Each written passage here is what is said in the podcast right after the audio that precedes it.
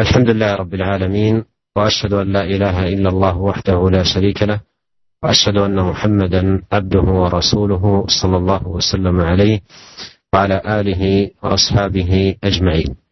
اما بعد بدانا في لقاء لقائنا السابق الحديث عن الاخوه الايمانيه ومقتضياتها في ضوء حديث ابي هريره رضي الله عنه فالذي قال فيه النبي صلى الله عليه وسلم لا تحاسدوا ولا تناجشوا ولا تباغضوا ولا تدابروا ولا يبع بيع بعضكم على بيع بعض وكونوا عباد الله اخوانا الى اخر الحديث وعرفنا ان هذا الحديث حديث عظيم للغايه في بيان مقتضيات الاخوه الايمانيه مما يحقق قوتها وثباتها ونماءها واستمرارها ما دام اهل الايمان محافظين على هذه الخصال مراعين لهذه الخلال التي دعا اليها النبي الكريم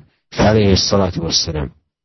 وعرفنا ان قول النبي عليه الصلاه والسلام وكونوا عباد الله اخوانا جاء كما قال اهل العلم بمثابه التعليم لما سبق في الحديث جاء بمثابة التعليل لما سبق في الحديث من النهي عن الحسد والنجس والتباغض والتدابر وغير ذلك وأيضا فيه دعوة إلى تحقيق مقتضيات هذه الأخوة بمعنى أن قوله كونوا عباد الله إخوانا فيحقق معنى التآخي بتحقيق المقتضيات مما ذكر في هذا الحديث وما لم يذكر فيه ونظير هذا تماما قول الله سبحانه وتعالى في سورة الحجرات إنما المؤمنون إخوة فأصلحوا بين أخويكم واتقوا الله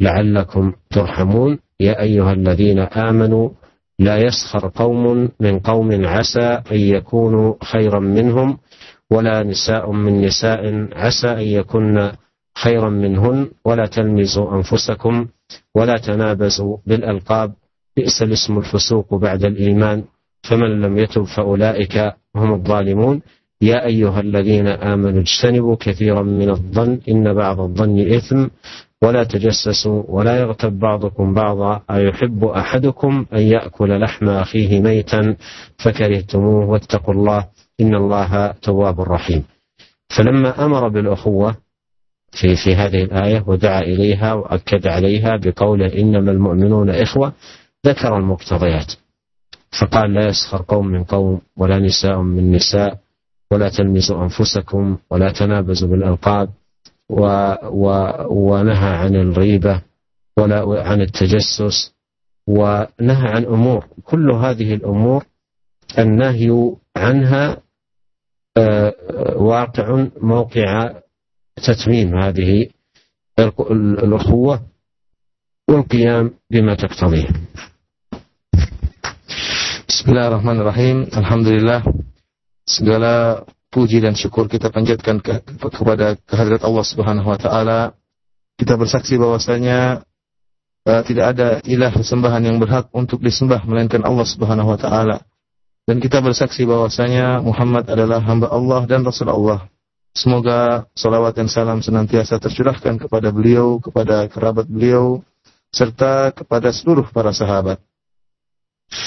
Para pendengar radio yang dirahmati oleh Allah Subhanahu wa taala, alhamdulillah pada pertemuan kemarin kita telah e, membahas tentang ukhuwah imaniyah, tentang tali persaudaraan yang dibangun di atas keimanan yang juga kita telah membahas tentang konsekuensi-konsekuensi dari terikatnya tali persaudaraan yang dibangun di atas keimanan. Karena orang yang mengaku sebagai saudara seiman tidak cukup dengan pengakuan, tapi di sana ada konsekuensi-konsekuensi yang harus dia kerjakan. Dan kemarin saya telah menjelaskan hal itu berdasarkan hadis Abu Hurairah radhiyallahu taala anhu, hadis yang panjang yang dimana Nabi Shallallahu alaihi wasallam bersabda dalam hadis tersebut, janganlah kalian saling hasad menghasad dan jangan kalian saling berbuat najas dan jangan saling kalian saling membenci dan jangan saling memboikot dan jangan uh, membeli di atas pembelian saudaranya. Wa kunu ibadallah ikhwana dan jadilah kalian e, orang-orang uh, yang bersaudara, hamba-hamba Allah yang saling bersaudara. Uh, para pendengar orang yang dirahmati oleh Allah Subhanahu wa taala, kita mengerti dari penjelasan tersebut, dari penjelasan Syekh, bahwasanya hadis ini sangatlah penting, sangat urgen dalam mewujudkan ukhuwah imaniyah dan bagaimana bisa e, mempererat atau menambah tali persaudaraan tersebut. Kalau kaum mukminin terus menjaga apa yang diwasiatkan oleh Nabi Shallallahu Alaihi Wasallam dalam hadis ini, agar mereka senantiasa tidak saling menghasad, kemudian tidak saling membenci, tidak saling menghajar, tidak saling memboikot. Tentunya eh, persaudaraan akan semakin kuat selama kaum mukminin berusaha untuk menerapkan eh, perintah Nabi dalam hadis ini. Dan kita juga telah mendengarkan penjelasan dari beliau dari Syekh bahwasanya sabda Nabi Shallallahu Alaihi Wasallam setelah melarang hal-hal tersebut, melarang hasad, melarang saling benci, melarang saling memboikot. Nabi SAW tutup larangan-larangan tersebut dengan sabdanya, "Wa kunu ibadallahi ikhwana." Dan jadilah kalian hamba-hamba Allah yang saling bersaudara. Para ulama telah menjelaskan bahwasanya Nabi SAW mengucapkan kalimat yang terakhir ini, "Wa kunu ibadallahi ikhwana." Jadilah kalian hamba-hamba Allah yang saling bersaudara seakan-akan menjelaskan akan sebab Kenapa Nabi SAW melarang hal-hal yang tadi sebelumnya? melarang hasad, melarang saling membenci, melarang saling bertengkar, saling memboikot ya. Kenapa? Sebabnya apa? Karena agar kalian bisa menjadi eh, hamba-hamba uh, Allah yang saling bersaudara. Ini perkara yang pertama. Perkara kedua, sabda Nabi tersebut, jadilah kalian hamba-hamba Allah yang bersaudara. Artinya apa? Usahakanlah kalian untuk mewujudkan ukhuwah imaniyah. Berusaha semaksimal mungkin untuk bisa menjalin eh, mempererat ukhuwah imaniyah. Baik dengan perkara-perkara yang disebut dalam hadis ya, larangan hasad, larangan macam-macam tadi yang disebut dalam hadis, atau dengan perkara-perkara lain yang tidak disebutkan dalam hadis. Dan hal ini, kondisi hadis ini yaitu adanya uh, perintah Nabi Shallallahu Alaihi Wasallam untuk mempererat ukhuwah imaniyah, persis seperti ayat-ayat yang terdapat dalam surat Al-Hujurat, di mana Allah Subhanahu Wa Taala tatkala berfirman, innamal mu'minuna ikhwah. Ya.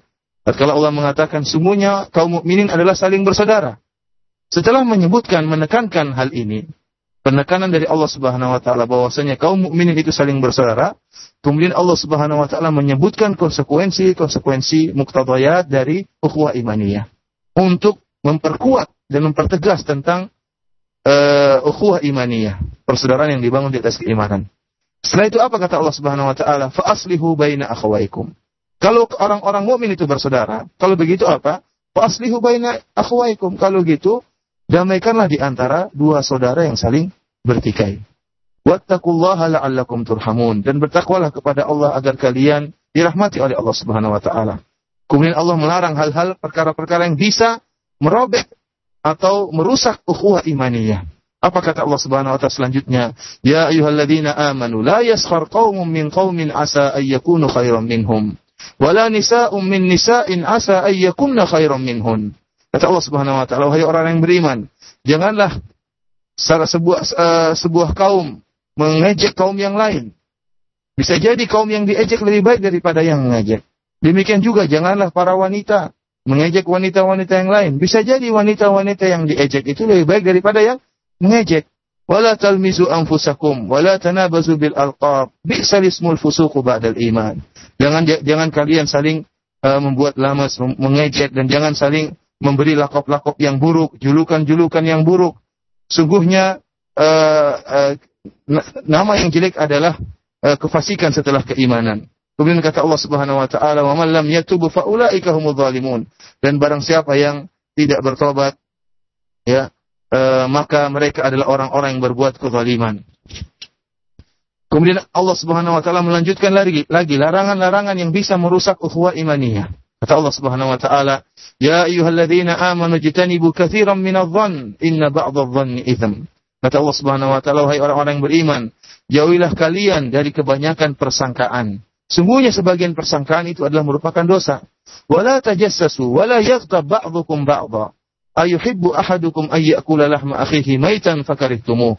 Dan jangan kalian berbuat tajasus, memata-matai, mengintai, mencari-cari kesalahan saudara. Dan jangan menggibah saudara kalian di antara kalian. Apakah salah seorang dari kalian suka untuk makan daging saudaranya yang dalam keadaan bangkai? Tentunya kalian akan benci hal ini. Wattaqullaha innallaha rahim. Dan hendaknya kalian bertakwa kepada Allah Subhanahu wa taala Sungguhnya Allah Subhanahu wa taala Maha menerima taubat dan Allah Subhanahu wa taala Maha sayang kepada kalian. Oleh karena itu kalau kita perhatikan ayat ini persis seperti hadis Abu Hurairah yang dijelaskan oleh Syekh. Tatkala Allah Subhanahu wa taala memerintahkan kaum mukminin untuk menjalin tali ukhuwah dengan firman-Nya innamal mu'minuna ikhwah. Allah mengingatkan mereka bahwasanya orang-orang beriman itu saling bersaudara. Maka Allah Subhanahu wa taala kemudian menyebutkan muktabayat, menyebutkan konsekuensi-konsekuensi yang harus dikerjakan oleh orang-orang yang ber, menjalin persaudaraan di antara eh, di atas keimanan. Misalnya jangan saling mengejek, jangan saling menghina, jangan saling memberikan lakop julukan-julukan yang buruk, jangan berbuat gibah, jangan bertajasus, mata-matai, mencari-cari kesalahan saudaranya. Yang larangan-larangan ini semuanya ya adalah untuk mempererat tali persaudaraan untuk menerapkan wa ibadah Allah ikhwana agar kalian jadi hamba-hamba Allah yang saling bersaudara.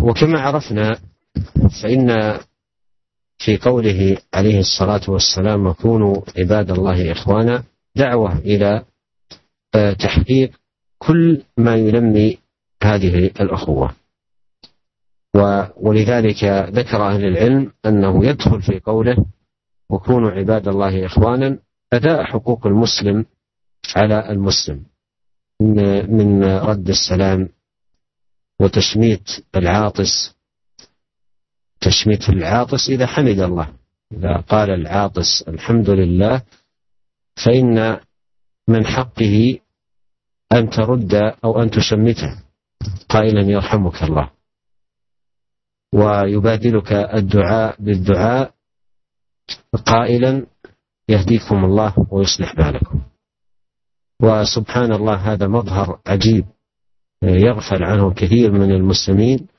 من مظاهر الأخوة الإيمانية فالعطسة التي تحصل لأحدنا هي نعمة من الله أنعم بها عليه ولهذا في الحديث أن الله يحب العطاس فهي نعمة أنعم الله بها على عبده بخروج الأبخرة والمحتقن في رأسه ودماغه فيرتاح على إثر هذه العطسة ويذهب عنه الأذى فيحمد الله على هذه النعمة ثم على اثر هذه النعمه التي حمد الله سبحانه وتعالى ينشا تبادل الدعاء بين المؤمنين مما يبين هذه الاخوه وقوتها فمن يسمعه يحمد يقول يرحمك الله وهو أيضا يقول لمن دعا له يهديكم الله ويصلح بالكم وهذا الدعاء المتبادل هو مظهر عجيب من مظاهر الأخوة الإيمانية ومقتضياتها في إثر هذه النعمة الحادثة التي حصلت لأحد المسلمين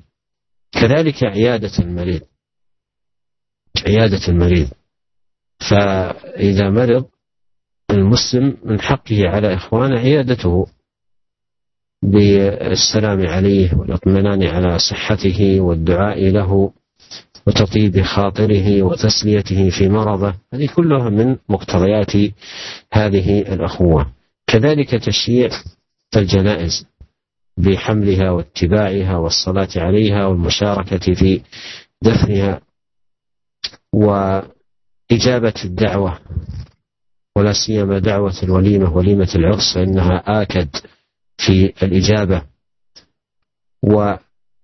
وإلقاء السلام عليه والنصح له بالغيب النصيحة لكل مسلم هذه كلها حقوق داخلة تحت قول النبي عليه الصلاة والسلام وكونوا عباد الله إخوانا وهكذا كل أمر كل أمر ينمي هذه الحقوق هذه الأخوة يعمل على تحقيقه ولهذا تجد بعض أهل العلم يذكر تحت قوله وكونوا عباد الله إخوانا إلقاء السلام والتصافح عند اللقاء والتهادي لأن النبي صلى الله عليه وسلم قال تهادوا تحابوا فكل امر ينمي هذه الاخوه ينبغي على المسلم ان يسعى آه، في تحقيقه آه، آه، طلبا لثواب الله عز وجل وتحقيقا لهذه الاخوه العظيمه والوشاج الوثيق. Para pendengar Radio Roja yang dirahmati oleh Allah Subhanahu wa taala, sebagaimana tadi telah dijelaskan bahwasanya sabda Nabi Shallallahu Alaihi Wasallam wakuna ibadallah ikhwana dan jadilah kalian hamba-hamba Allah yang saling bersaudara merupakan seruan dari Nabi Shallallahu Alaihi Wasallam agar kita mewujudkan atau mempraktekkan segala perkara yang bisa memperkuat ukhuwah imaniyah yang bisa semakin memupuk ukhuwah imaniyah. Oleh karena itu, para ulama tatkala menjelaskan hadis ini, mereka menyebutkan bahwasanya termasuk perkara-perkara yang bisa mengupuk ukhuwah adalah menunaikan hak-hak saudara kita sama muslim. Sungguhnya saudara kita sama muslim, sesama kaum mukminin memiliki hak-hak yang wajib kita tunaikan.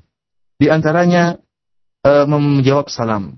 Kalau saudara kita memberi menyalami kita assalamualaikum maka wajib bagi kita untuk menjawab waalaikumsalam. Ini ini menunjukkan uhuwa e, ukhuwah, makin mempererat ukhuwah kita karena kita menjawab salamnya. Demikian juga tatkala ada saudara kita yang bersin. Tatkala ada saudara kita yang bersin kemudian mengatakan alhamdulillah, maka kita pun jawab dengan mengatakan ya rahmukallah. Semoga Allah merahmati engkau. Dia yang tadi bersin tatkala mendengar jawaban kita berdoa lagi kepada kita untuk kita dengan doanya ya yahdikumullah wa yusli balakum. Semoga Allah Subhanahu wa taala memberi hidayah kepada engkau dan akan uh, uh, meluruskan uh, perkaramu ya. Subhanallah, doa di antara kaum mukminin.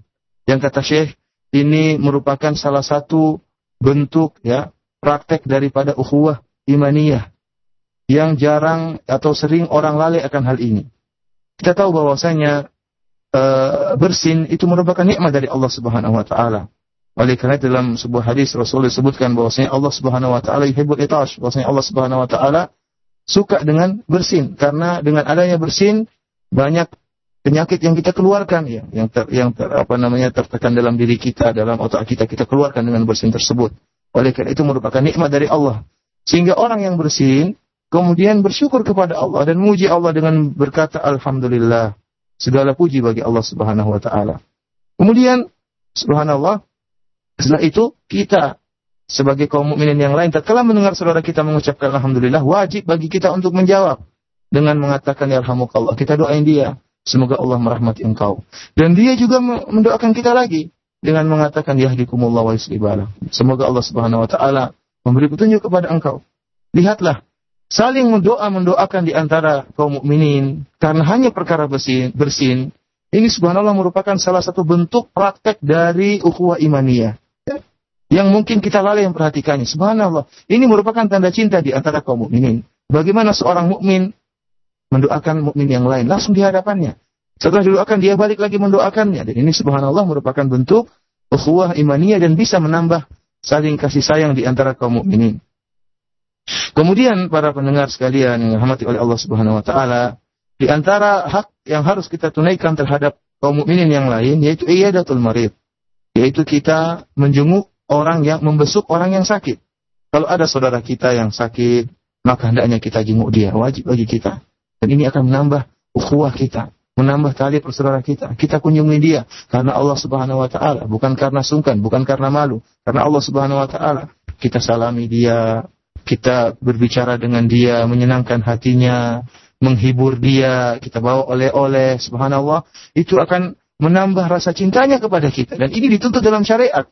Memupuk tali ukhuwah, memupuk saling mencintai di antara kaum mukminin itu sangat dituntut dalam syariat.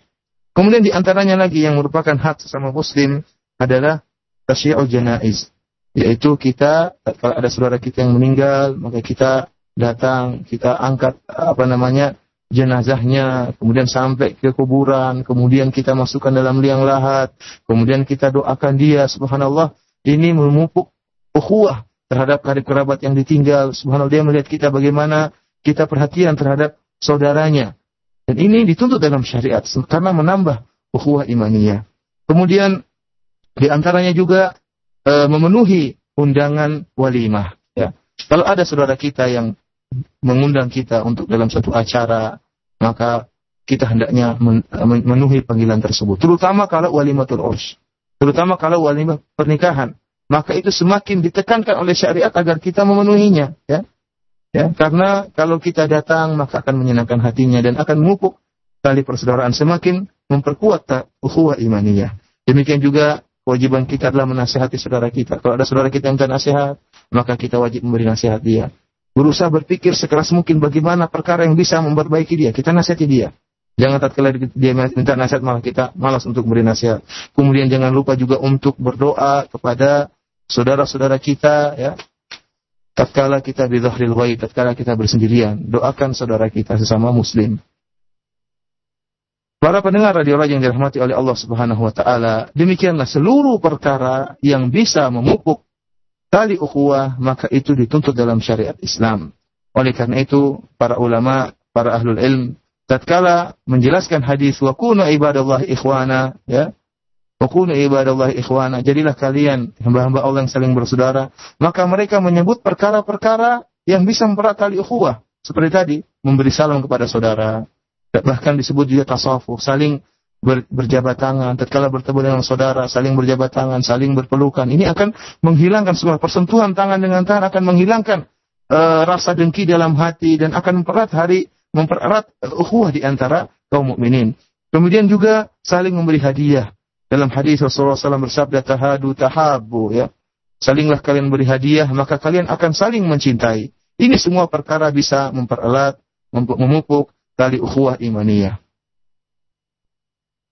ثم قال صلى الله عليه وسلم في هذا الحديث المسلم اخو المسلم لا يظلمه ولا يخذله ولا يكذبه ولا يحقره هذه خصال أيضا هي من مقتضيات هذه الأخوة قال المسلم أخو المسلم بمعنى أن الواجب على المسلم أن يقوم بتحقيق ما تقتضيه أخوة الإسلام وذكر عدة أمور نهى عنها الأول الظلم قال لا يظلمه ومن المعلوم أن من شأن المسلم أن يوصل إلى أخيه المسلم النفع وأن يكف عنه الضرر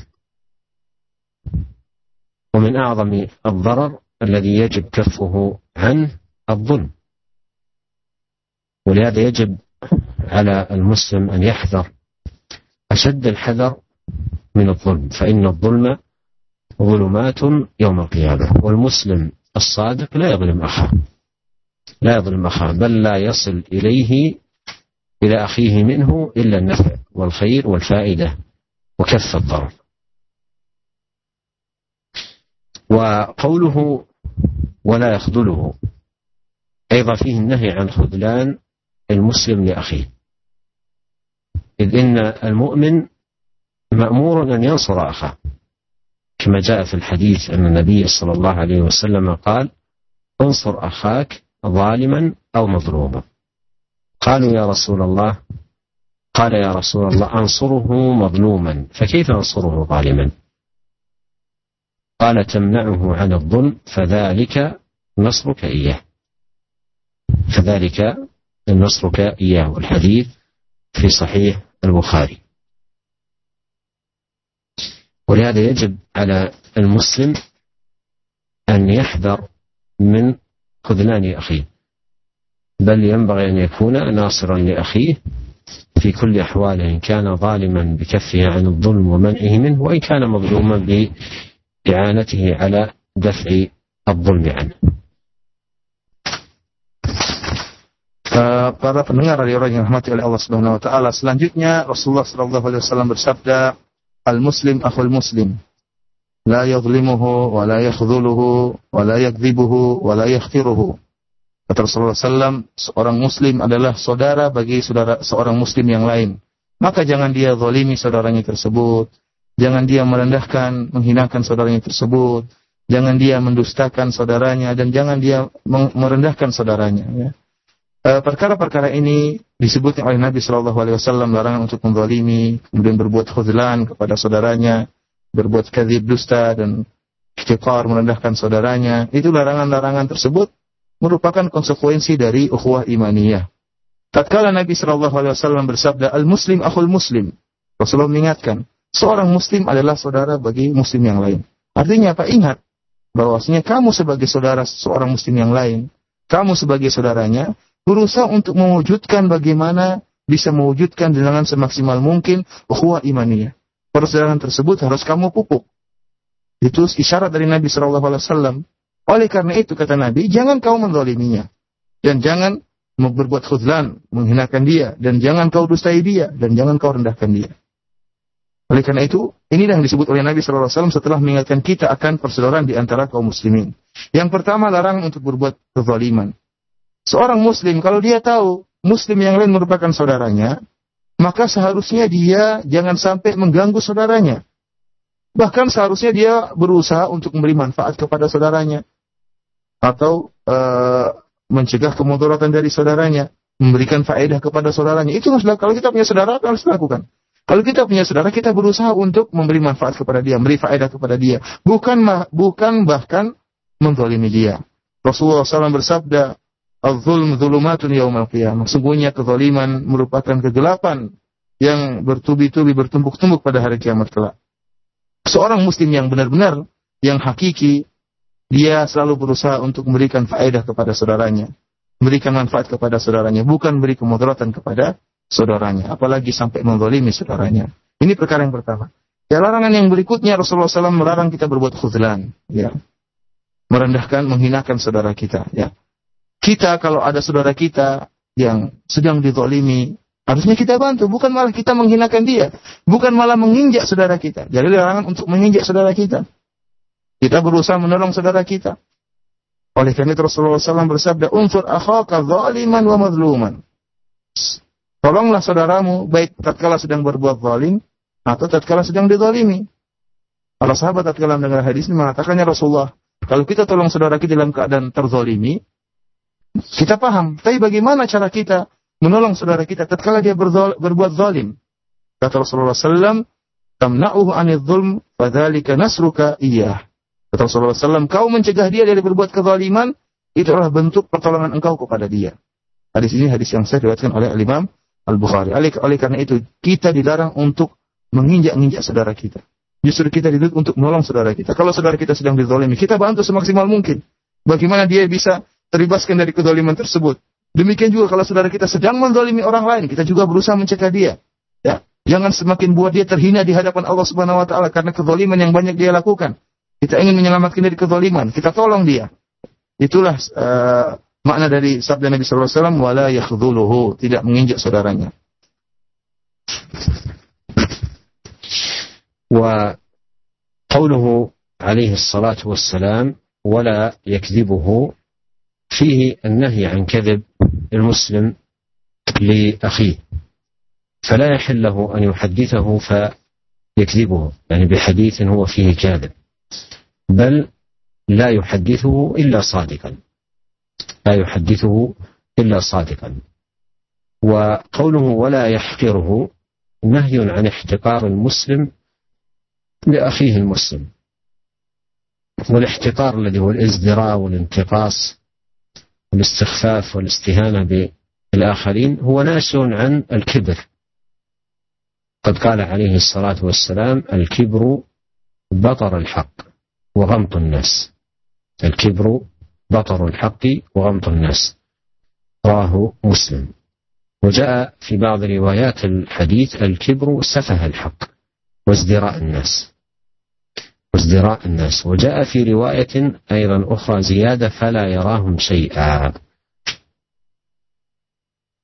فالمتكبر ينظر إلى نفسه بعين الكمال وينظر إلى غيره بعين النقص فيرى أنه كامل وأن غيره ناقص فلهذا يحتقر الآخرين ويزدريهم ولا يراهم أهلا لأن يقوم بشيء من حقوقهم ولا أن يقبل من أحد منهم الحق إذا أورده عليه لما يرى نفسه عليه من الكمال ولما يرى عليه غيره من النقص ف حذر النبي عليه الصلاة والسلام من ذلك قال لا يحقر أي لا يحتقر المسلم أخاه المسلم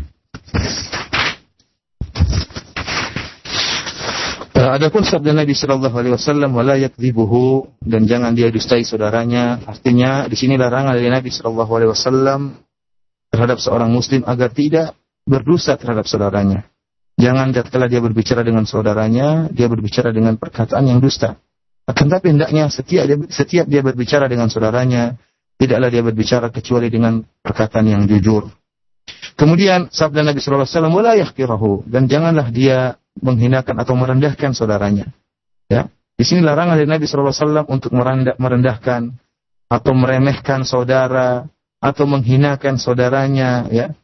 Ya, menganggap remeh saudaranya, ini semua dilarang. Dan ketahuilah Syekh menjelaskan bahwasanya timbul sikap seperti ini, perendahan, peremehan, ya, tidak memandang sama sekali, itu timbul dari kesombongan yang terdapat dalam hati seorang muslim. Kenapa dia berbuat demikian? Kenapa dia menghina saudaranya? Kenapa merendahkan saudaranya? Karena sombong yang ada dalam hatinya. Oleh karena itu Rasulullah SAW bersabda dalam satu hadis, Al-kibru batarul haq wa gomtun nas. Hadis sahih riwayat Imam Muslim. Yang artinya, kesombongan adalah menolak kebenaran dan merendahkan orang. Merendahkan orang merupakan bentuk kesombongan bahkan timbul buah dari kesombongan yang terdapat dalam hati seorang. Oleh karena itu, eh, dalam hadis yang lain, Rasulullah Shallallahu Alaihi Wasallam bersabda, "Al-kibru safahul haq wasdira'un nas." Bahwasanya kesombongan itu merupakan adalah penolakan terhadap kebenaran dan perendahan terhadap manusia. Dalam ziyadah dalam satu riwayat ada tambahan Nabi SAW berkata, "Fala yarahum syai'a." Maka dia karena saking sombongnya tidak memandang orang lain itu seperti sesuatu, tidak memandang mereka sama sekali. Oleh karena itu orang yang sombong, tatkala memandang dirinya, dia memandang dengan pandangan sempurna, seakan-akan dirinya sudah sempurna, sudah istimewa. Tatkala memandang orang lain, dia pandang dengan pandangan merendahkan. Setiap orang yang dilihatnya seakan-akan rendah, seakan-akan kurang. Adapun dia, dia merasa dirinya sempurna, dirinya sudah hebat. Ya. Kalau melihat orang lain memiliki sesuatu dia merasa mereka tidak pantas memiliki hal itu. Mereka tidak pantas jadi uh, orang pintar. Mereka tidak pantas seperti tidak pantas. Kenapa dia merasa yang pantas cuma dia sendiri? Mereka karena dia merasa dia yang istimewa, yang lain tidak istimewa. Kalau ada yang menyampaikan kebenaran kepada dia tidak terima. Saya yang hebat, saya yang pintar. Mereka tidak tahu bagaimana bisa menasehati saya. Kalau datang kebenaran dari orang lain tidak dia terima. Semua itu kenapa? Karena kesombongan yang terdapat dalam hatinya. Semua قال النبي صلى الله عليه وسلم بعد ذلك التقوى ها هنا ويشير إلى صدره ثلاث مرات والصدر فيه القلب الصدر فيه القلب ولهذا يشير عليه الصلاة والسلام إلى الصدر وقد جاء في الحديث ألا إن في الجسد مضغة إذا صلحت صلح الجسد كله وإذا فسدت فسد الجسد كله ألا وهي القلب فكرم الإنسان ومكانته عند الله سبحانه وتعالى بحسب صلاح حاله مع الله بتحقيق التقوى الذي منبعها وأساسها القلب ورب إنسان يحقره الناس رب إنسان يحقره الناس لضعفه لفقره لقلة حظه من الدنيا وهو أعظم قدرا عند الله ممن له قدر في الدنيا وله مال كثير وله تجارات وله رئاسات وذلك لأن الناس يتفاوتون بحسب التقوى كما قال الله تعالى إن أكرمكم عند الله أتقاكم وقد سئل النبي عليه الصلاة والسلام من الأكرم من أكرم الناس قال أتقاهم لله عز وجل وأتقاهم لله عز وجل وإذا علم أن التقوى أصلها القلب فإن القلوب لا يطلع عليها إلا علام الغيوب سبحانه وتعالى لا يطلع عليها إلا الله سبحانه وتعالى وقد جاء في الحديث ان الله لا ينظر الى صوركم واموالكم ولكن ينظر الى قلوبكم واعمالكم وعلى هذا فقد يكون كثير ممن له صورة حسنة أو مال أو جاه أو رئاسة قد يكون قلبه خراب من التقوى ويكون من ليس له شيء من تلك الأمور المال والجاه والرئاسة قلبه مملوء بالتقوى فيكون الأكرم عند الله سبحانه وتعالى بل كما قال أهل العلم واستدلوا لذلك هو الأكثر وقوعا الأكثر وقوعا كما جاء في الحديث لا أخبركم بأهل الجنة كل ضعيف متضعف ضعيف في نفسه ومتضعف أي الناس يرون ضعفه ويعتقدون ضعفه لو أقسم على الله لأبره ألا أخبركم بأهل النار كل عتل كل عتل جواظ مستكبر كل علو عتل جواظ مستكبر متعالي متغطرس هذا معناه والأحاديث في, في هذا المعنى عديدة جاء في صحيح البخاري من حديث سهل رضي الله عنه قال مر رجل على رسول الله صلى الله عليه وسلم فقال لرجل عنده جالس ما رأيك في هذا قال رجل من أشراف الناس هذا والله حري إن خطب أن ينكح وإن شفع أن يشفع أن يشفع وإن قال أن يسمع لقوله قال فسكت النبي صلى الله عليه وسلم ثم مر رجل آخر فقال له رسول الله صلى الله عليه وسلم ما رأيك في هذا قال يا رسول الله هذا رجل من فقراء المسلمين هذا حري إن خطب ألا ينكح وإن شفع ألا يشفع وإن قال ألا يسمع لقوله فقال رسول الله صلى الله عليه وسلم هذا خير من ملء الأرض مثل هذا هذا خير من ملء الأرض مثل هذا فالشاهد أن قول النبي عليه الصلاة والسلام التقوى ها هنا ويشير إلى صدره هذا ينبغي أن ينتبه له الإنسان قبل أن يحقر الآخرين قبل أن ينتقص الآخرين قبل أن يزدري الآخرين يتفكر أن التقوى ها هنا ما يدريك أن هذا الذي أمامك وتحتقره وتزدريه كريم عند الله وأن قلبه عامر بتقوى الله سبحانه وتعالى قد تعيبه لفقره قد تعيبه لضعفه قد تعيبه لعيب في بدنه وهو له مكانة عالية عند الله سبحانه وتعالى ولهذا ينبغي على الإنسان أن ينتبه لقول النبي عليه الصلاة والسلام التقوى ها هنا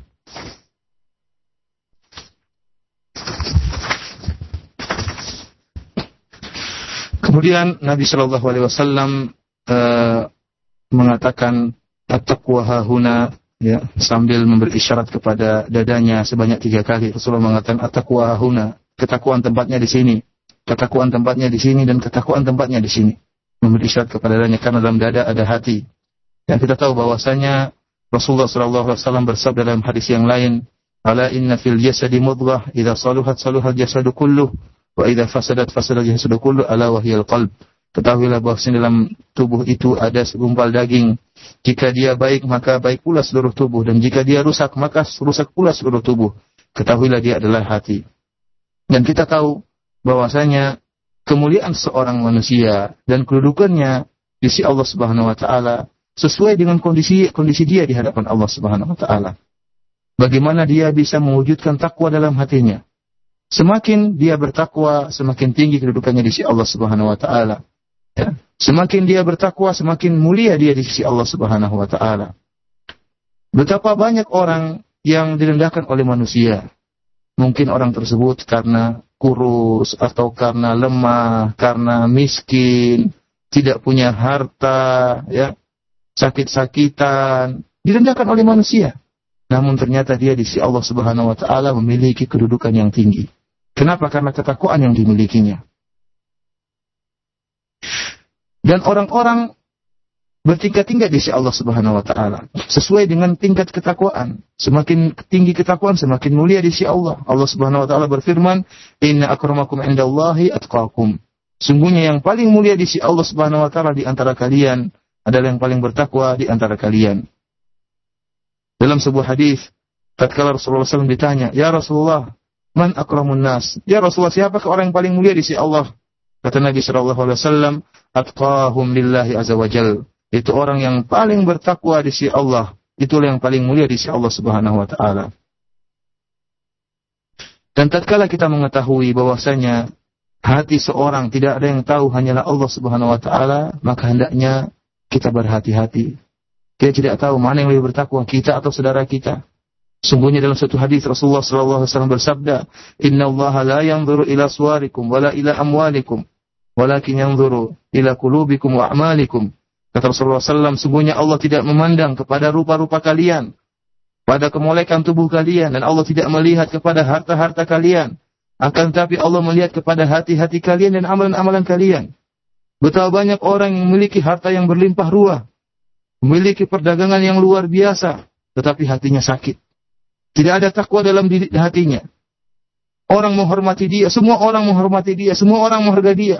Karena zaman sekarang ini orang menilai orang lain dengan harta. Semakin banyak orang semakin dihargai, semakin di, dipuji, semakin ditinggikan. Adapun orang yang tidak punya harta semakin direndahkan karena penilaian orang zaman sekarang dengan harta. Sebaliknya ada orang yang mungkin fakir, miskin, ya. dipandang remeh oleh orang lain, akan tetapi hatinya penuh dengan ketakwaan. Oleh karena itu para ulama banyak menyebutkan bahwasanya yang kenyataan yang terjadi banyak orang yang miskin yang lemah itulah yang termasuk penduduk surga yang bertakwa kepada Allah Subhanahu wa taala karena jauh dari sifat kesombongan. Dalam satu hadis Rasulullah SAW bersabda, "Ala ukhbirukum bi ahlil jannah." Maka aku kabarkan kepada kalian wahai para sahabatku dengan penduduk surga. Kata mereka, "Iya Rasulullah, siapa itu penduduk surga?" Kata Nabi sallallahu alaihi wasallam, "Kullu dha'ifin mutadha'af, law aqsama 'ala Allah la abarrahu." Setiap orang yang lemah dan dipandang lemah oleh orang lain, namun jika dia berdoa kepada Allah Subhanahu wa taala bersumpah dengan Allah Subhanahu wa taala, maka akan dikabulkan oleh Allah Subhanahu wa taala. Kemudian Rasulullah SAW menyebutkan lagi, "Maka aku kabarkan kepada kalian dengan ahli nar, dengan penduduk neraka." Kemudian kata Rasulullah SAW, kata para sahabat, "Siapa dia ya Rasulullah, penduduk neraka?" Kata Rasulullah SAW, "Kullu utullin jawadin mustakbir." Yaitu orang-orang yang sombong dan angkuh, itulah orang-orang yang kebanyakan masuk dalam api neraka. Dalam sebuah hadis diriwayatkan oleh Imam Bukhari dalam sahihnya, ada seorang eh, laki-laki uh, yang melewati Rasulullah Shallallahu alaihi wasallam. Maka Nabi sallallahu alaihi wasallam bertanya kepada salah seorang yang duduk di samping Nabi tentang orang yang lewat tadi. Kata Nabi, "Ma ra'yuka fi hadha?" Apa menurut bagaimana pendapat engkau tentang orang yang lewat tadi? Kata orang ini, "Oh, orang yang lewat tadi merupakan orang yang kedudukannya sangat tinggi." Ya, dan dia kalau berkhidbah untuk menikah pasti diterima. Bagaimana orang kaya, orang hebat kalau berkhidbah pasti diterima, melamar pasti diterima. Wa in syafa'a an yusyafaa Kalau dia memberi syafaat, dia pasti diterima syafaatnya. Kalau dia berkata, pasti didengar perkataannya. Maka Nabi SAW pun terdiam. Tidak seberapa lama lewat lagi laki-laki yang lain di hadapan mereka. Maka apa kata Nabi SAW kepada orang tadi? Mara'yuka fi hada. Bagaimana pendapat engkau tentang orang yang kedua ini yang lewat ini? Kata dia, ya Rasulullah, ada rajulun min fuqara'il muslimin. Wahai Rasulullah, ini orang miskin Rasulullah. Orang dari antara kaum orang-orang fuqara di antara kaum muslimin, orang miskin. Ada hariyun in khataba alla yungkah. Orang ini kalau dia melamar pasti ditolak ya Rasulullah. Wa in syafa'a alla yushafa. Kalau dia beri syafaat, tidak akan diterima syafaatnya. Wa in qala alla yusma' liqaulihi. Kalau dia ngomong tidak akan didengar. Bagaimana miskin tidak akan didengar? Faqala Rasulullah sallallahu alaihi wasallam maka Nabi sallallahu alaihi wasallam bersabda, "Hadza khairun min mil'il ardi mithli hadza." Kata Rasulullah Sallam orang yang kedua ini meskipun miskin, lebih baik daripada orang yang pertama. Meskipun dia memenuhi dunia, dunia isinya orang-orang seperti itu, mungkin jutaan miliaran, masih orang yang lebih baik daripada orang model pertama. Meskipun miliaran jumlahnya. Ya. Oleh karena itu, para uh, pendengar Radio yang dirahmati oleh Allah Subhanahu Wa Taala, yang menjadi perhatian kita yaitu masalah ketakwaan. Tatkala Rasulullah SAW mengatakan ataqwa hahuna, ingatlah bahwasanya ketakwaan tempatnya di hati. Dan kita tidak tahu tatkala kita merendahkan saudara kita, bisa jadi saudara kita meskipun nampaknya miskin, meskipun nampaknya goblok, meskipun nampaknya tidak tidak mulia sama sekali, siapa tahu hatinya di sisi Allah ketakwaannya lebih tinggi daripada kita, ya. Oleh karena itu betapa banyak orang yang kita rendahkan ternyata dia mulia di sisi Allah Subhanahu wa taala. Jangan kita terpedaya dengan kemiskinannya. Betapa banyak orang yang kita cela badannya, mungkin dia cacat, kita cela e, kelemahan dia, cela kemiskinannya, ternyata dia memiliki kedudukan yang tinggi di sisi Allah Subhanahu wa taala. ثم قال عليه الصلاة والسلام بحسب امرئ من الشر أن akhahu أخاه muslim أي يكفيه من الشر احتقار أخيه المسلم كفى, كفى به شرا أن يحتقر أخاه المسلم لماذا؟ لأن الاحتقار احتقار المسلم لأخيه المسلم إنما ينشأ عن كبر قام في قلب هذا المحتقر والكبر من أعظم خصال الشر قد جاء في صحيح مسلم عن النبي صلى الله عليه وسلم أنه قال لا يدخل الجنة من في قلبه مثقال ذرة من كبر الأحاديث في ذم الكبر والتحذير منه وبيان عقوبة أهله كثيرة جدا عن رسولنا الكريم صلوات الله وسلامه عليه. Kemudian Nabi SAW bersabda bihasib bihasib mri'in minasyar ayyakir afaful muslim. Kata Nabi SAW, cukup seorang itu dikatakan jelek kalau dia itu merendahkan saudaranya sama muslim. Kenapa para pendengar dari Raja yang dimuliakan oleh Allah Subhanahu wa taala? Karena kalau dia merendahkan saudaranya, itu menunjukkan akan keangkuhan yang terdapat dalam dadanya, ya. Karena tidak mungkin dia merendahkan kecuali dia merasa dirinya lebih hebat daripada saudaranya.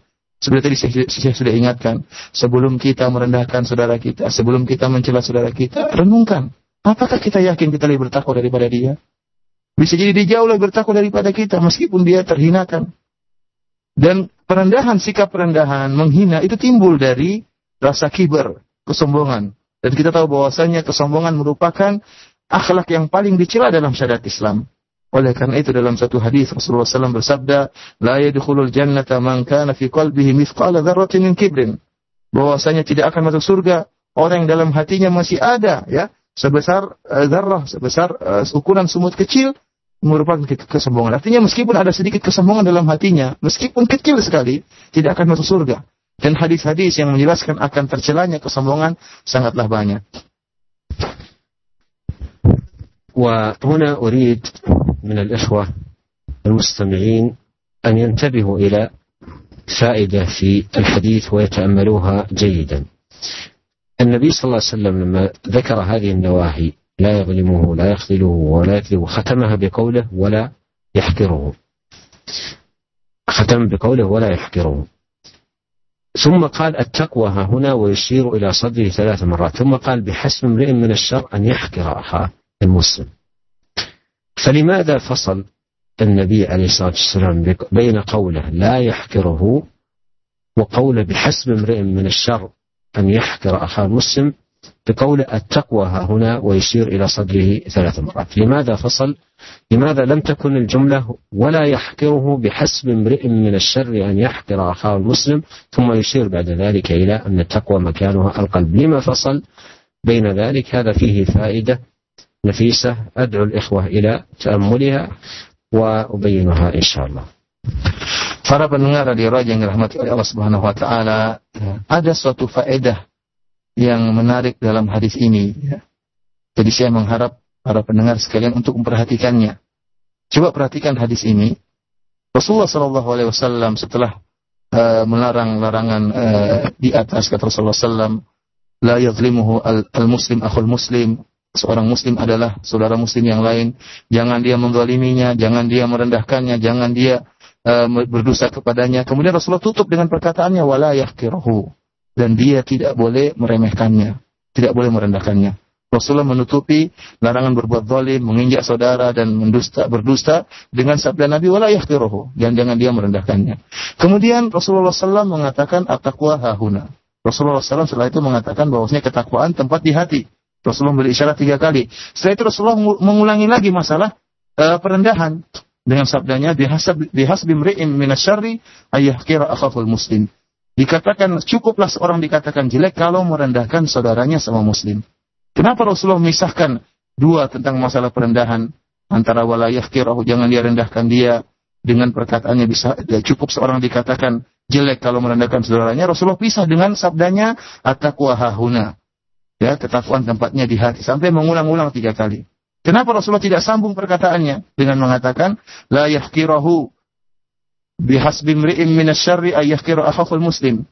Rasulullah cukup seharusnya Rasulullah mengatakan jangan dia menghinakan jangan dia merendahkan saudaranya karena merupakan kejelekan seorang yang merendahkan saudaranya. Baru Rasulullah mengatakan sungguhnya hat, takwa tempatnya di hati. Tetapi Rasulullah pisahkan antara dua ini dengan memasukkan di tengah-tengahnya perkataan at-taqwa hahuna, at-taqwa hahuna, at-taqwa hahuna. Takwa tempatnya di hati, takwa tempatnya di hati, takwa tempatnya di hati. Ada faedah. akan kita dengarkan faedah tersebut dari uh, beliau. والجواب على ذلك أن النبي صلى الله عليه وسلم وسط بين النهي عن الاحتقار النهي عن الاحتقار وبين عظم شره بقوله بحسب من, من الشر وبين عظم شره قوله التقوى ها هنا مشيرا إلى صدره ثلاث مرات أي القلب لبيان أن العبرة بما يقوم في القلوب من الإيمان والتقوى وأنه قد يكون قلب من احتقر معمورا بالتقوى ويكون قلب من احتقره وتكبر عليه بخلاف ذلك أي آه، مليء بالكبر والعجب آه، ورؤية النفس فهذا فيه التنبيه إلى أن المقياس في هذا الباب هو التقوى ولهذا قلت فيما سبق ينبغي على الإنسان إن حدثته نفسه أن يحتقر غيره أن يتذكر قول النبي صلى الله عليه وسلم التقوى هنا لأنه ما يدريك أن يكون هذا الشخص الذي آه، تريد أن تحتقره خير من ملء الأرض من مثلك قد تريد أن تحتقره وقد يكون هذا الشخص الذي تريد أن تحتقره هو خير من ملء الأرض من مثلك ثم تحتقره فالتقوى هنا أي الأمر في ذلك راجع إلى التقوى والنبي صلى الله عليه وسلم أكد على ذلك بإشارته إلى صدره ثلاث مرات uh, آه، faedahnya ya di mana Rasulullah SAW memisahkan antara masalah uh, menghina dua kali penyebutannya ya, Rasulullah pisahkan dengan ketakwaan sebagai peringatan bahwasanya yang menjadi patokan dalam uh, ukuran seorang di sisi Allah Subhanahu wa taala yaitu apa yang terdapat dalam hati orang tersebut. Kalau dia beriman dan bertakwa, maka kedudukannya akan tinggi di sisi Allah Subhanahu wa taala. Betapa banyak orang yang direndahkan dan dihinakan, ternyata hatinya penuh dengan ketakwaan. Ya, hatinya penuh dengan keimanan. Dan sebaliknya betapa banyak orang yang dia mencela, suka mencela, ya, suka merendahkan orang lain, ternyata hatinya penuh dengan e, kebalikannya, penuh dengan kesombongan, penuh dengan ujub, merasa dirinya lebih hebat, ya. Oleh karena Rasulullah SAW ingatkan sebelum Rasulullah memperingatkan akan bahayanya sikap merendahan dua kali di tengah-tengahnya Rasulullah selipkan sungguhnya ketakuan tempatnya eh, di hati. Oleh karena itu para pendengar radio yang dirahmati oleh Allah Subhanahu Wa Taala, ya, Syekh mengingatkan kembali kalau ternyata kita bertemu dengan orang lain, ya, kemudian kita dalam hati kita ingin merendahkannya karena merasa mungkin ibadah kita lebih hebat, merasa ilmu kita lebih hebat, ya, merasa kita lebih pintar cari duit. Kalau kita ingin melihat dia miskin, ya, kita ingin menghina dia, merendahkan dia, ingat, oh jangan dulu, jangan dulu kita hinakan dia. Siapa tahu dia lebih bertakwa daripada kita. Dia tidak tahu karena masalah hati hal yang goib yang tahu hanyalah Allah Subhanahu Wa Taala. Kelihatannya orangnya jelek ternyata hatinya baik kita tidak tahu. Bisa jadi, ya, kalau kita orang seluruh dunia seperti kita, dia masih lebih baik daripada. Artinya kalau orang seperti itu jumlahnya miliar seperti kita, masih lebih baik dia satu orang daripada semiliar seperti kita modelnya. Oleh karena itu hati-hati sebelum kita merendahkan orang lain, ingat dulu bahwasanya yang jadi patokan adalah ketakwaan di sisi Allah Subhanahu wa taala.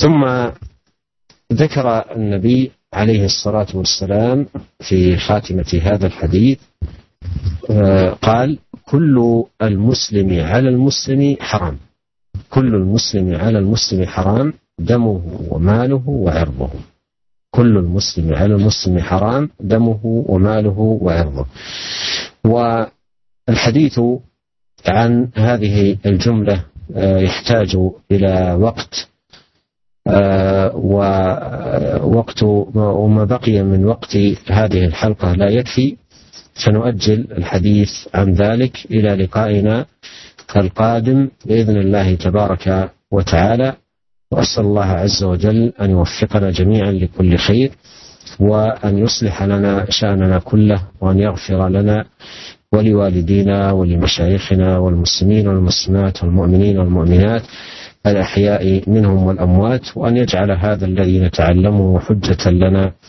لا علينا اللهم انفعنا بما علمتنا وزدنا علما ولا تكلنا إلى أنفسنا طرفة عين وأصلح لنا شأننا كله يا حي يا قيوم يا ذا الجلال والإكرام الله أعلم وصلى الله وسلم على عبده ورسوله نبينا محمد وآله وصحبه أجمعين Kemudian Rasulullah Shallallahu Alaihi Wasallam menutup hadisnya dengan sabdanya al Muslim al muslim akulul muslim al muslim haramun damuhu wa maluhu wa irduhu bahwasanya setiap muslim diharamkan untuk e, mengganggu harta muslim yang lain atau e, mengganggu e, darahnya atau menjatuhkan menumpahkan darah muslim yang lain atau merendahkan harga diri muslim yang lain dan pembahasan tentang hadis ini butuh waktu yang agak panjang dan waktu yang tersisa tinggallah sedikit tidak cukup untuk kita membahasnya. Insya Allah Syekh akan menjelaskan kelanjutan hadis ini pada pertemuan kita yang berikutnya. Demikian saja apa yang bisa disampaikan oleh beliau dan beliau berdoa kepada Allah Subhanahu Wa Taala agar Allah Subhanahu Wa Taala mengampuni dosa-dosa kita, mengampuni dosa-dosa kedua orang tua kita dan mengampuni dosa karib kerabat kita dan mengampuni dosa-dosa guru-guru kita yang telah banyak berjasa kepada kita. Dan demikian juga mengampuni dosa-dosa kaum mukminin dan kaum muslimin. Demikian juga yang masih hidup ataupun yang sudah meninggal dunia. Dan semoga Allah Subhanahu wa taala menjadikan ilmu yang kita dapatkan menjadi hujah bagi kita di akhirat kelak, membela kita di akhirat kelak, bukan menjadi bumerang yang akan uh, menghujung kita pada di akhirat kelak. Dan semoga Allah Subhanahu wa taala menjadikan ilmu yang kita dapatkan ini bermanfaat bagi diri kita dan semoga Allah Subhanahu wa taala menambahkan ziyadatul ilm menambahkan ilmu kepada kita dan semoga Allah Subhanahu wa taala tidak menjadikan diri kita bersandar pada diri kita satu detik pun kita senantiasa bersandar kepada Allah Subhanahu wa taala. Demikian saja para pendengar radio Raja yang dirahmati oleh Allah Subhanahu wa taala. Kalau ada yang bertanya kami persilahkan. Nah, demikian ikhwatal Islam saudaraku seiman, pembahasan yang begitu bermanfaat dari tema ukhuwah imaniyah yang disampaikan oleh uh, Fadilat Syekh Profesor Dr. Abdul Razak bin Abdul Musin Al-Badr Hafidhullah Ta'ala. Selanjutnya ikhwatal Islam kami akan buka sesi tanya jawab untuk Anda dan secara khusus eh, kami akan dahulukan pertanyaan yang sudah masuk begitu banyak melalui pesan singkat yang sudah masuk di eh, kemarin malam dan saat ini dan kami jama dari Uh, yang pertama dari tiga penanya dari Bapak Tirta Bekasi, Pak Budi Jakarta dan Abu Muhammad di Tangerang yang uh, bertanya perihal uh, uh, hal yang sama. Uh, Syekh Barakallahu Fikum pada saat ini uh, uh, terjadi pada sebagian kaum muslimin yang menisbahkan diri pada dakwah salafiyah, dakwah ahlusunnah wal jamaah penerapan hajar mubtadi dengan tidak memberi salam dan atau menjawab salam. Hal ini eh, telah menjadikan image bahwa bahwasannya dakwah salaf terkesan dakwah yang keras dan tidak berlemah lembut terhadap kaum muslimin dan menimbulkan syubhat eh, bahwasannya dakwah salaf adalah dakwah pemutus persaudaraan.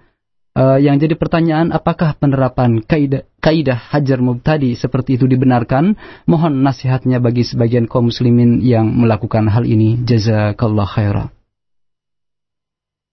ونقدم أسئلة من الرسائل أسئلة من اليوم يقولون حول هذا المبتدئ إن المسلمين السنة فأكون هذا الحدث حيث لا يسلمون على إخوانهم من غيرهم و وهذا يجعل الناس ينفرون من هذه الدعوة وينفرون من هذه الدعوة بين السلاف وكذا قال هذا تطبيق صحيح في مثلا في إندونيسيا الوضع مثلا الجامعي آه، عرفنا هذا الحديث آه، العظيم وما يدل عليه من حقوق ومقتضيات ينبغي ان يكون عليها المسلم تجاه اخوانه المسلمين من نصح والقاء سلام واتباع جنازه وعياده مريض وغير ذلك من الامور والخصال التي آه، ينبغي ان يتحلى بها المسلم. وعرفنا ايضا في لقائنا هذا ولقاء الامس رفق السلف بالعصاة وحرصهم على هدايتهم وذكرت مثالا على ذلك قصة عمر بن الخطاب العجيبة المؤثرة في المنهج الذي ينبغي أن يكون عليه المسلم. والهجر آه، جاءت به الشريعة كعلاج من جهة ووقاية للنفس من شبهات المبتدعة من جهة أخرى فالهجر يكون للزجر زجر المخالف ويكون أيضا لسلامة الإنسان من بدع المخالفين وأهوائهم ولكن هذه الأمور ينبغي أن تكون آه، مضبوطة بضوابط الشرع آه، ومقيدة بدلائل الكتاب والسنة وفق قاعدة الشريعة المعروفة وهي جلب المصالح ودرء المفاسد فلا يطلب آه، لا يطلب الهجر ابتداء ولا ايضا يترك الهجر مطلقا بل النبي صلى الله عليه وسلم هجر في في بعض القضايا والهجر للعلاج الهجر للعلاج والعلاج يؤتى به بحسب الحاجة إلى آه، إلى ذلك قد تكون مصلحة الإنسان في هجره وقد تكون مصلحة الإنسان في مداراته ومسايسته بالحسنى وباللين والدفع بالتي أحسن والجدال بالتي أحسن فالذي يضبط هذه المسألة أن لا ينطلق الإنسان في هذا الأمر من هواه وإنما ينطلق من قاعدة الشريعة ودلائل النصوص ولا سيما القاعدة الكبرى ألا وهي جلب المصالح ودرء المفاسد. Para pendengar uh, Raja yang dirahmati oleh Allah Subhanahu wa taala, uh, kita telah mendengarkan pengajian selama dua hari dari penjelasan hadis yang sangat agung ini yang menunjukkan bahwasanya di antara konsekuensi dari uh, hukuk uh, daripada ukhuwah imaniyah persaudaraan yang dibangun di atas keimanan yaitu kita menunaikan hak-hak seorang muslim ya seperti kita memberi salam kemudian kita mengunjungi orang yang sakit di antara kaum muslimin kita mengantarkan jenazahnya ikut menguburkannya ya, dan banyak lagi ya Eh, perkara-perkara uh, yang merupakan hak-hak muslim yang lain dan hendaknya seorang muslim berhias dengan eh, perkara-perkara uh, ini, ber menghiasi dirinya dengan menunaikan hak-hak saudaranya.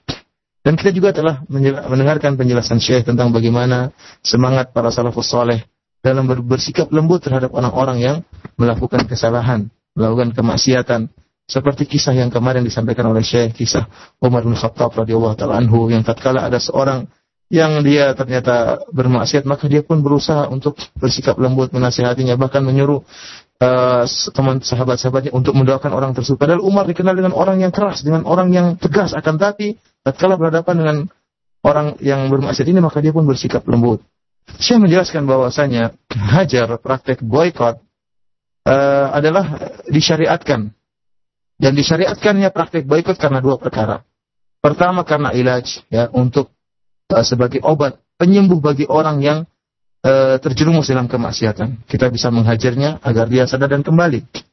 Dan tujuan yang kedua dari praktek hajar adalah wiqayah untuk menjaga seorang agar tidak terjerumus dalam syubhat-syubhat.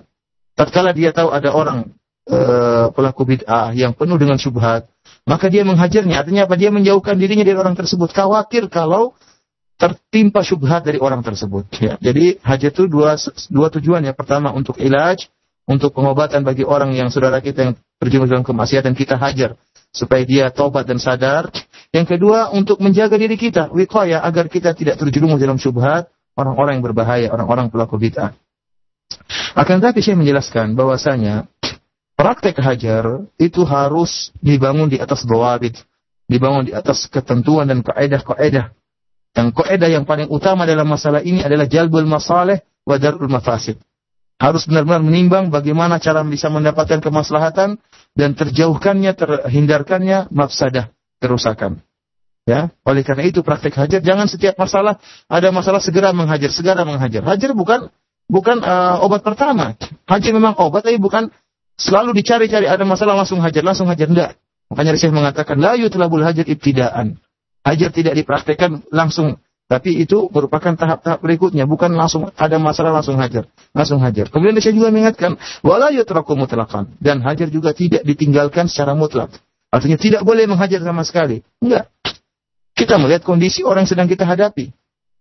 Kita melihat kondisi orang yang sedang kita hadapi. Kalau ada orang ya, misalnya uh, pemilik memiliki pemikiran syubhat yang sangat banyak, ya sudah kita jauhi. Jauhi terus kenapa? Kita tahu kita lemah. Kalau dengar perkataan dia, ya kita mungkin terjerumus, maka kita jauh selama-lamanya. Karena kita tahu kita lemah, tidak kuat ilmu kita. Khawatir terpengaruh orang ini. Tidak ikut pengajiannya, tidak ikut ceramahnya, jauhi orang ini. Ya. Kemudian lain lagi dengan halnya dengan saudara kita yang pelaku maksiat. Orang itu melakukan maksiat, terjerumus dalam bid'ah. Maka bagaimana praktek hajar? Kita lihat. Bisa jadi dia itu bermanfaat bagi dia kalau kita terapkan hajar. Kalau kita terapkan hajar, dia sadar. Ya, bisa jadi. Bisa jadi juga kalau kita terapkan hajar dia tambah parah, maka jangan kita terapkan karena akan menimbulkan mafsadah, tidak mendapat, mendapatkan kemaslahatan. Kita ingin maslahat apa sadarnya dia. Oleh karena itu bisa jadi seorang sadar dengan tidak dihajar tapi dengan dibuat mudarat. Ya kita berbahasa basi dengan dia, dengan caranya bagaimana ya bersikap lembut sama dia justru kemudian dia menjadi menjadi sadar. Intinya para pendengar radio yang dirahmati oleh Allah Subhanahu wa taala, praktek hajar harus memperhatikan kaidah yang sangat besar dalam masjid kaidah yang sangat penting, yang sangat agung, yaitu jalbul masalih wadar ulma mafasid. Bagaimana caranya kita bisa mendapatkan kemaslahatan agar saudara kita sadar dan kita bisa menolak kemaslahatan agar dia tidak semakin terjerumus dalam kemaksiatan. Kalau ternyata praktek hajar malah mendatangkan malah mendatangkan mafsadah dan menghindarkan kemaslahatan maka jangan dipraktekkan. Nah, hmm. selanjutnya kami angkat kembali juga dari pesan singkat yang sudah begitu banyak masuk. Kami angkat dua uh, pesan singkat yang sama dari saudari Yuni di Bekasi dan saudara Ilham di Jakarta yang bertanya, Barakallahu fikum ya Syekh, ukhuwah imaniyah berbuah kasih sayang kepada sesama kaum muslimin. Bagaimana kehukumnya bila kasih sayang ini diterapkan eh, pada sebuah perayaan di hari tertentu seperti halnya hari Valentine Days yang pada uh, uh, pertengahan bulan ini banyak di antara kaum muda kaum muslimin yang ikut uh, serta merayakan hari tersebut. Bagaimana kehukumnya merayakan hari Valentine's Day dalam rangka mewujudkan kasih sayang kepada sesama kaum muslimin? Jazakallahu khairan.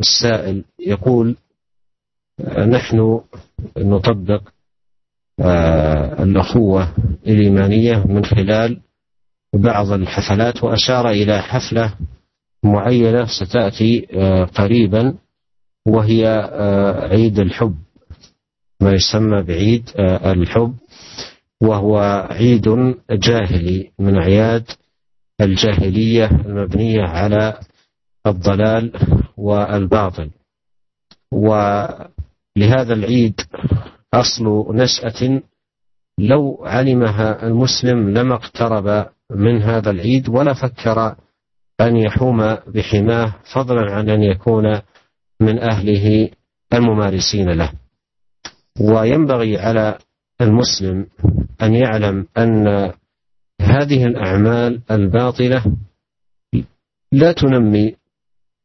كالأخوة ولا تزيدها بل إنها تنشر البغضة والعداوة بين الناس ولا يمكن لجاهلية أن تجمع بين القلوب ولا يمكن لباطل أن يؤلف بين النفوس وإنما الذي يؤلف بين النفوس ويجمع بين القلوب هو اتباع الحق والهدى أما مثل هذه الأعياد الباطلة والأفعال المنكرة القائمة على الضلال والهوى والباطل فهذه أعمال جاهلية قائمة على الإسراف وإضاعة المال وتعاطي المحرمات والاختلاط بين الرجال والنساء آه، بصفات منكرة وأعمال مشينة فهذه أعمال لا يمكن أن تحقق أخوة أو أن توجد ألفة وإنما هي أعمال منكرة يجب على كل مسلم ومسلمة أن يربأ بنفسه عنها وأن يبتعد عن ممارستها طاعة لله سبحانه وتعالى وتجنبا للأهواء والباطل. Syekh menjelaskan bahwasanya eh, kita tahu bahwasanya sebentar lagi akan datang acara Valentine's Day di bulan ini eh, dan Syekh menjelaskan bahwasanya Eh, hari raya Valentine's Day ya. merupakan hari raya jahiliyah yang dibangun di atas kesesatan dan kebatilan. Dan kisah asal daripada perayaan hari ini ada kisahnya kalau seandainya seorang muslim tahu sebab terjadinya perayaan seperti ini maka dia akan menjauhi acara ini ya tidak mau dekat-dekat apalagi sampai ikut serta dalam acara ini ya. Dan kita harus sadar dan harus mengetahui bahwasanya setiap amalan yang batil yang dibangun di atas kesatuan tidak akan meningkatkan ukhuwah, tidak akan mempererat tali persaudaraan, tapi akan menyebabkan permusuhan dan kebencian di antara kaum muslimin. Ini tidak mungkin perkara batil akan menyatukan hati-hati manusia. Yang bisa menyatukan hati manusia adalah kebenaran dan petunjuk. Adapun acara Valentine's Day, ya, eh, apa namanya Idul Hope, ya perayaan Hari Cinta atau Hari Kasih Sayang, ini hanyalah hanyalah perayaan hura-hura, eh, menghambur-hamburkan duit, menghambur-hamburkan harta, ikhtilat campurnya laki-laki dengan perempuan dengan cara-cara tertentu yang sangat jelek yang tidak dijelaskan dalam syariat. Ya ini semuanya tidak akan bisa mewujudkan ukhuwah, ya. Yang ada hanyalah Eh, akan menimbulkan kesesatan dan permusuhan di antara kaum eh, muslimin. Oleh karena itu, acara seperti ini hanya kita jauhi yang penuh dengan kemungkaran. نعم هذا هذا العيد يعني انا اشرت الى ان له اصل في نشاته فاشير اليها باختصار حتى لا يمضي الوقت هذا العيد هو كما هو معلوم عيد روماني جاهلي واستمر الاحتفال به حتى دخول الرومان في النصرانية والعيد مرتبط بقس معروف اسمه فلنتاين ولهذا يسمى تارة عيد الحب وتارة يسمى عيد فلنتاين وهذا قس آه، معروف حكم عليه بالإعدام ولا يزال الكفار يحتفلون بهذا العيد ويشيعون فيه الفاحشه والمنكر والذي آه، السؤال الذي يطرح هنا نفسه ما شان المسلم بهذه الجاهليه لولا جهل الناس بدينهم نسأل الله العافية والسلامة. Eh, sebagaimana tadi saya sebutkan bahwasanya eh, sebab terjadinya perayaan ini ya karena ada kisah ada sebabnya Itu sebagaimana disebutkan ya saya ingin jelaskan secara ringkas saja agar tidak habis waktu kita yaitu adalah yang dikerjakan oleh orang-orang uh, Romawi, orang jahiliyah ya. Yang perayaan ini terus uh, berlanjut sampai masuknya agama Nasrani dalam eh, orang-orang uh, Romawi. Dan dikenal juga acaranya dengan namanya Valentine's Day karena uh, Valentine ini adalah seorang pendeta ya Eh, seorang pendeta yang diberi hukuman oleh gereja dengan hukuman dibunuh ya, dihukum dengan edam di, dibunuh dan bagaimana kita kaum muslimin bisa ikut terpedaya dan terjerumus dalam acara jahiliyah, acara orang-orang jahiliyah ya. Kalau bukan karena kejahilan kita sendiri ya. Baik, kami angkat kembali dari pertanyaan yang datang dari pesan singkat dari Bapak Nana di Pondok Gede, Jakarta Timur. Barakallahu, fikum ya Syekh. Apakah ukhuwah imaniyah ini juga uh, harus kita tunaikan kepada eh, mereka yang di luar dari uh, manhaj ahlus sunnah wal jamaah semisal khawarij dan orang-orang munafik orang-orang liberal demikian jazakumullahu khairan أن نحن أيضا نطبق الفتوى الإمامية على المخالفين لنا كالخوارج المفجرين وكذلك الليبراليين الذين لا يرون فيهم لو ستة أيام نطبق هذه الفتوى كذلك قبل طرح مثل هذه الأسئلة ينبغي أن يفهم آه، معنى هذه الأخوة وماذا تقتضيه ليست الأخوة الإيمانية إساعة للفوضى وتقبل الأفكار المنحرفة والعقائد المنحلة وإرضاء الجميع بالسكوت عن الباطل ومداهنة أهل الباطل ومجاملة أهل الفساد وأهل الشر وعدم الأمر بالمعروف والنهي عن المنكر وعدم رد البدع هذا ليس هذا ليس هذا هو المراد بهذه الأخوة ومن يطرح هذا السؤال ربما أنه لم يفهم ما تعنيه هذه الأخوة وما تقتضيه من قيام بحقوق وواجبات ومثل آه، باطل الخوارج وباطل الافكار المنحله المباينه للشريعه المصادمه للاسلام يجب ان يقام بالواجب نحوها في ضوء الادله لا باتباع الاهواء وانما في ضوء ادله كتاب الله وسنه نبيه صلوات الله وسلامه عليه مما يحقق الخير ويقطع الفساد والشر ويتحقق ايضا به علو كلمه الله سبحانه وتعالى وانتشار دينه ورد البدع والمحدثات والاباطيل التي ما انزل الله تبارك وتعالى بها من سلطان والله أعلم Uh, eh, saya mengingatkan ya sebelum uh, disampaikan pertanyaan-pertanyaan seperti ini ya mengenai hal ini yang ditanyakan tadi, maka saya ingin mengingatkan bahwasanya uh, penjelasan kita tentang ukhuwah imaniyah dalam dua pengajian kita kemarin dan sekarang ini bukan berarti kita itu harus uh, mendiamkan kebatilan yang ada ya kebatilan harus dibantah.